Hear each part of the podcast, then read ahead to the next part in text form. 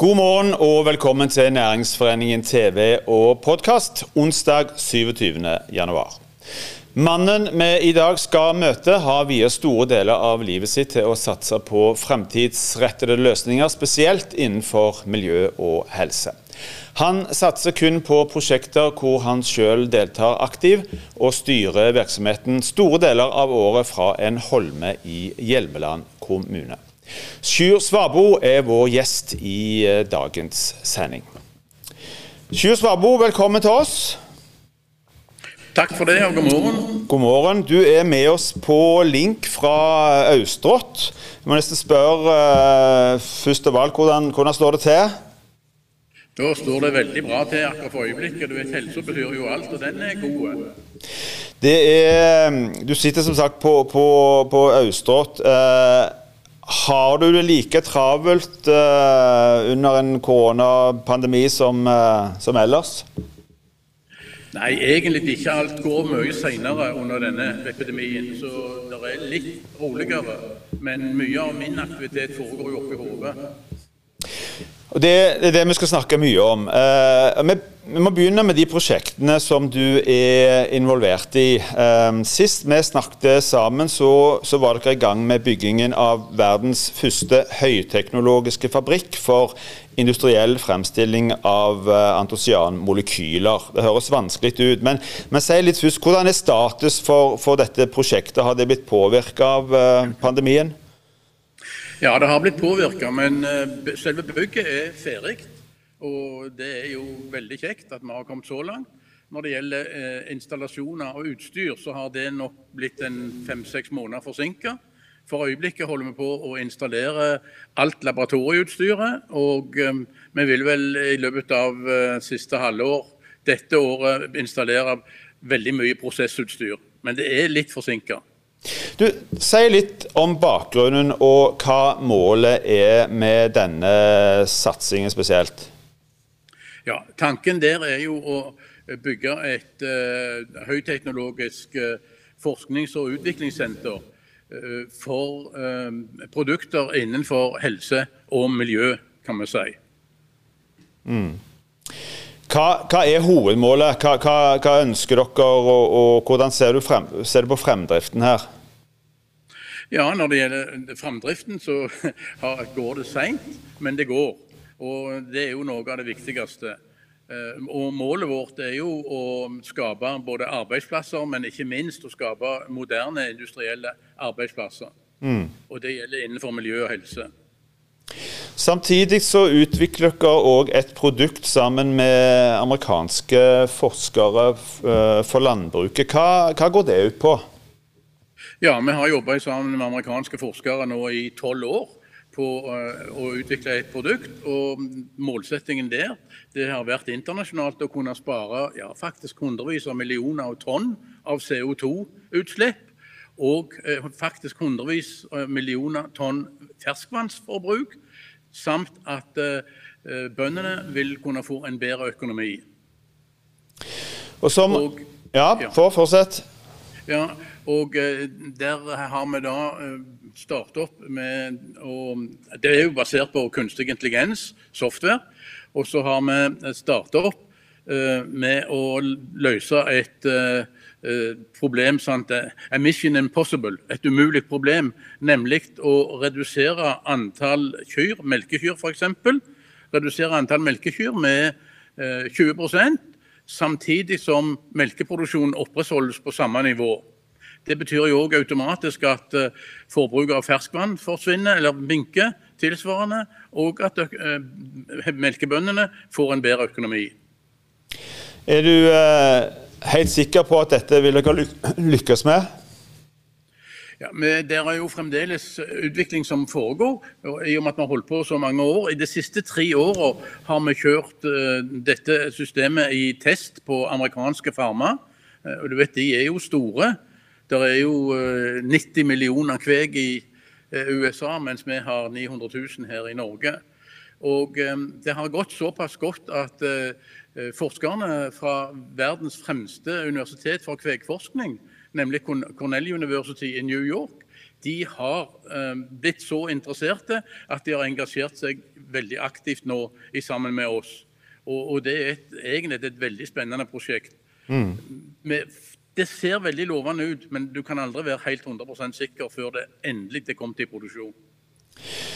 Som om ikke det var nok, så arbeider dere òg med et eh, diagnoseprosjekt. Eh, og det sammen med amerikanske forskere innenfor endometriose. Eh, kan du fortelle litt mer om hva, hva det innebærer? Ja, Det er jo et diagnosesystem. Eh, vi har jo sett nå i det siste at det er diagnosesystemer som brukes f.eks. på på koronaepidemien, eh, men de virker for meg veldig tungvinte. Dette diagnosesystemet som vi har utvikla sammen med amerikanske eh, forskere, det er basert på saliva, eller spytt. Rett og slett sånn at du tar testen på tunga, og der får du umiddelbart svaret på om du har endometriose eller ikke. Endometriose er en kvinnesykdom hvor um, celler fra livmora vokser utenfor livmora, sånn litt forenkla. Uh, den er fryktelig smertefull som regel, og den rammer 10% av alle kvinner i verden. Så Det betyr at uh, vi har faktisk under utvikling nå sammen med disse amerikanerne, og sammen med, med faktisk uh, Harvard University har nå engasjert seg. Der har vi under utvikling et system som ser ut som å kunne teste om du har endometriose eller ikke. Det er nemlig eh, en sykdom som du ikke klarer å finne ut av uten å foreta operasjoner eller inngrep ellers. Mm. Men vi kan altså her gjøre det fryktelig enkelt. Og Der har uh, forskere i uh, Harvard University, som er vel et av verdens fremste forskningsuniversiteter i USA, de har funnet at dette er så spennende at de har samlet inn penger blant medisinske forskere og eh, FDA for å kjøre videre studier på dette systemet vårt. Mm. Vi har testa det på 87 personer, og der ser det ut som det funker. Men det er alltid sånn at du må teste det på store mengder.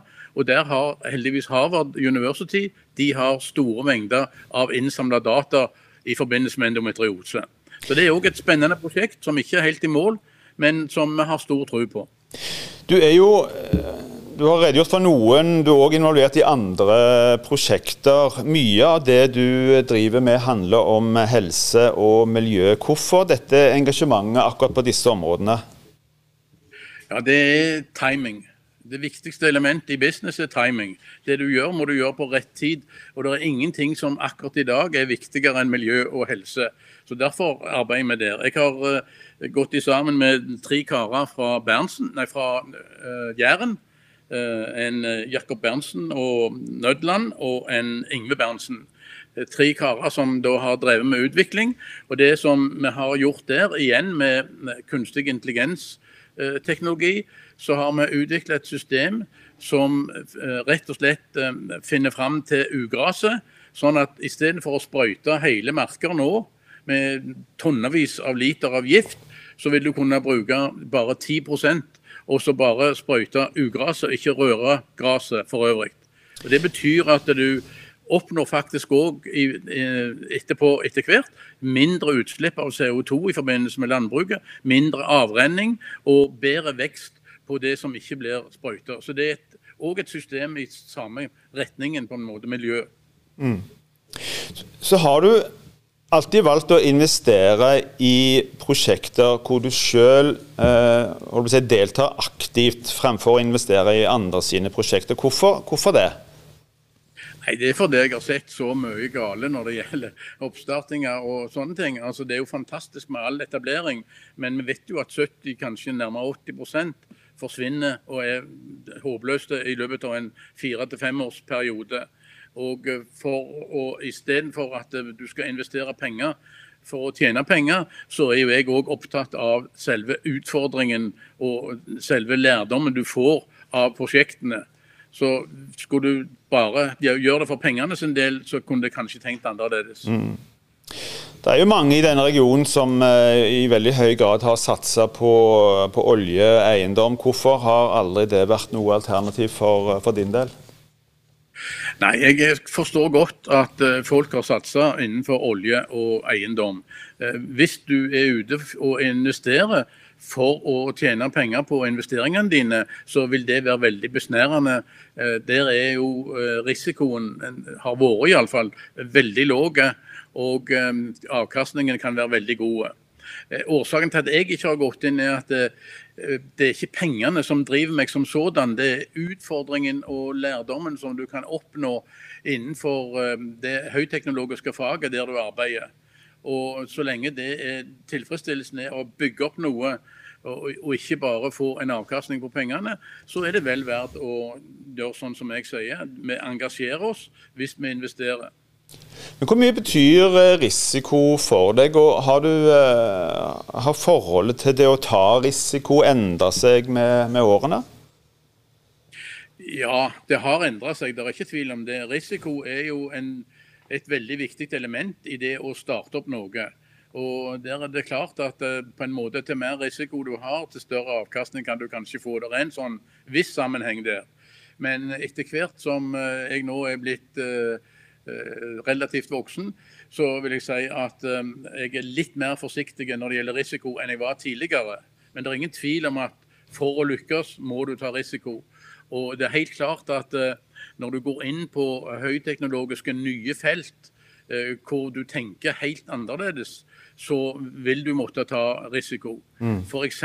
så er den løsningen på, på kveg der som kan spare utslipp i store mengder, så er den en helt annen tenkemåte enn det som vanlige forskere arbeider med når det gjelder å redusere utslipp innenfor landbruket. Og La mm. meg bare gi et, liksom et lite eksempel òg. Eh, fra landbruket, bare der på å tenke litt annerledes, fra landbruket så er det um, et utslipp på 18 milliarder tonn på internasjonal basis. Eh, og det regnes med at det skal søke, nei, øke til 30 milliarder tonn i 2050. Og, da er det klart, og dette er faktisk mer enn utslipp fra alle biler og fly og båter eh, på, på jorda. Og Da mm. syns jeg det er merkelig at vi, eh, eller de fleste konsentrerer seg fullstendig om biler. Uh, som er vår store velsignelse, istedenfor å konsentrere seg litt om der du kan oppnå store gevinster. Mm. Sjø, du nevnte det sjøl, du er 77. Um, dette er jo i høy grad høyteknologi. Eh, kunnskapsbaserte bedrifter, prosjekter som en vel òg som gründer må sette seg, eh, sette seg, inn i. Og det er jo kompliserte, kompliserte saker, kompliserte stoff. Hvor, mye, hvor, viktig er det for deg personlig og, og, og det å hele tiden måtte tilegne seg nye, mer som fremtidsretta kunnskap? Holdt på å si godt voksen alder? Ja, det er jo veldig viktig for meg. Jeg syns at uh, det å, å, få lov til å bruke hjernen sin til å sette seg inn i nye, store prosjekter. Eh, og det gir store utfordringer. Det gjør at du må egentlig bruke hjernen òg. Du må tenke. Og eh, jeg føler at eh, det gir meg en, en, tilfredsstillelse av å lære nytt hele tida. Jeg er mm. nysgjerrig. Jeg syns det er veldig spennende. Jeg kan jo ta eksempelet når med dette med Dox-eventyret som vi hadde. Der kom det jo inn en forsker eller ned til oss en forsker fra Bergen, en professor, og begynte å snakke til meg om, om blåbær og fantastiske muligheter innenfor eh, medisin og innenfor eh, ernæring. Og Jeg tenkte egentlig at fyren må jo sprøyte galen, hva skal jeg gjøre med blåbær? Av alle ting. Men så nevnte han at dette her hadde de jobba med i ti år og forska på. De hadde undersøkt 5000 forskjellige plantesubstanser og funnet ut at det var noen molekyler i blåbær og bl.a. solbær som var så spennende, og at de hadde faktisk òg fått og vist en effekt innenfor kreftbehandling. Mm. Og Pga. at vi i familien var da ramma av kreft, eh, så fant jeg ut at dette er jo fantastisk interessant. Og så På den måten så begynte jeg å virkelig sette meg inn i eh, de molekylene som finnes inni blåbæret. Mm. Men ligger det i ditt DNA for å spørre på den måten, at du, at du hele tiden må, må satse på, på, nye prosjekter? Ja, jeg tror det. Eh, jeg hadde, for det første så har jeg en stor tilfredsstillelse av å bygge opp noe og få til noe, og lykkes med noe. Og når jeg tenker tilbake igjen, så har jeg alltid under hele barndommen drevet med å bygge opp Jeg bygde i sand, jeg bygde sandslott, jeg bygde store byer i sandkassen. Og jeg gikk over til å bygge med Lego og med leir. Har hele tida bygd opp. Eh, og har bygd òg mange, mange, hus for den slags skyld. Eh, sånn at det å få lov til å, bygge og se at det reiser seg og, blomstrer og vokser, det har vært veldig viktig for meg. Mm. Men du er jo eh, du er jo som sagt 77. Du kunne jo ha levd et, et, et avslappa pensjonistliv. Hvor mye, hvor mye jobber du i dag? Ja, det er jo av og til at jeg setter meg ned og tenker på at Eh, når vi solgte en del software-selskaper for nokså lenge siden, så fikk jeg jo ganske store inntekter. Og jeg brukte 100 millioner kroner på å bygge Hanabryggene som et industriveksthus. Eh, og det er av og til jeg tenker på at hadde jeg satt de der i banken, og, eh, og det er jo mye penger, for det er på den tida, det er jo lenge siden dette her, mm. så hadde jeg jo kunnet hatt veldig gode dager, eller eventuelt kunne gitt vekk disse pengene. Men jeg føler at det, det har vært rett for meg å gjøre dette. Det er det som gir meg tilfredsstillelse. Det er det som gjør at livet virkelig sånn blomstrer. Mm. Du, du starta i sin tid med, med, data, så gikk du over til hest og gård. Fortsatte med blåbær, produksjon av Medoc, som du er inne på.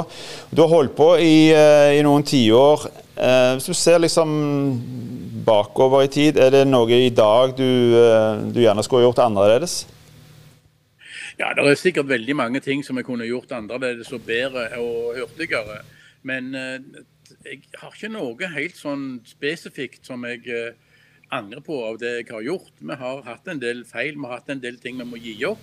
Men eh, det har vært mye mer positivt enn negativt. Mm. Så må vi snakke litt om eh, koronapandemien òg. Eh, du er per definisjon i, i, den såkalte risikogruppen. Det er en av, de, en av årsakene til at du sitter på Austrått i dag og ikke er med oss her i studio. Men, men hvordan, eh, hvordan, forholder du deg til det? Det på en måte å være en del av den såkalte risikogruppa? Det aller viktigste er at jeg tar store doser med Dox hver dag, altså noen kapsler hver dag. Eh, fordi at eh, eh, disse antosianene vet vi har en, en eller annen effekt innenfor for virus. Og jeg håper jo at det kan være med å på en måte dempe den virkningen. Men generelt så forholder jeg meg til alle reglene og er forsiktige. Og syns at det som er gjort der, både med nedstengning og sånn, det har vært profesjonelt og det har vært bra i Norge sammenlignet med veldig mange andre land. Mm. Jeg har jo fått uh, henvendelser både fra Australia og nå nylig fra uh, noen kreftforskere i Belgia som ønsker å se litt nærmere på disse kapslene våre i Medox for uh, koronasituasjonen. Det, mm. det, er nok ikke tenkelig at det har stor effekt, men du vet aldri før du har prøvd. Vi var litt inne på det innledningsvis, men påvirker pandemien deg personlig og, og den virksomheten du, uh, du, driver, utover det som du nevnte innledningsvis i forhold til, i forhold til byggingen av, uh, av uh, fabrikken?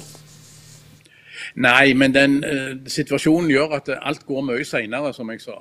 Ellers så føler jeg at vi kan klare oss relativt godt. Mm. Helt til slutt, eh, Sjur. Du, eh, jeg tror du sa i et intervju en gang eh, at du elsker det umulige. Hva, hva, legger du i det?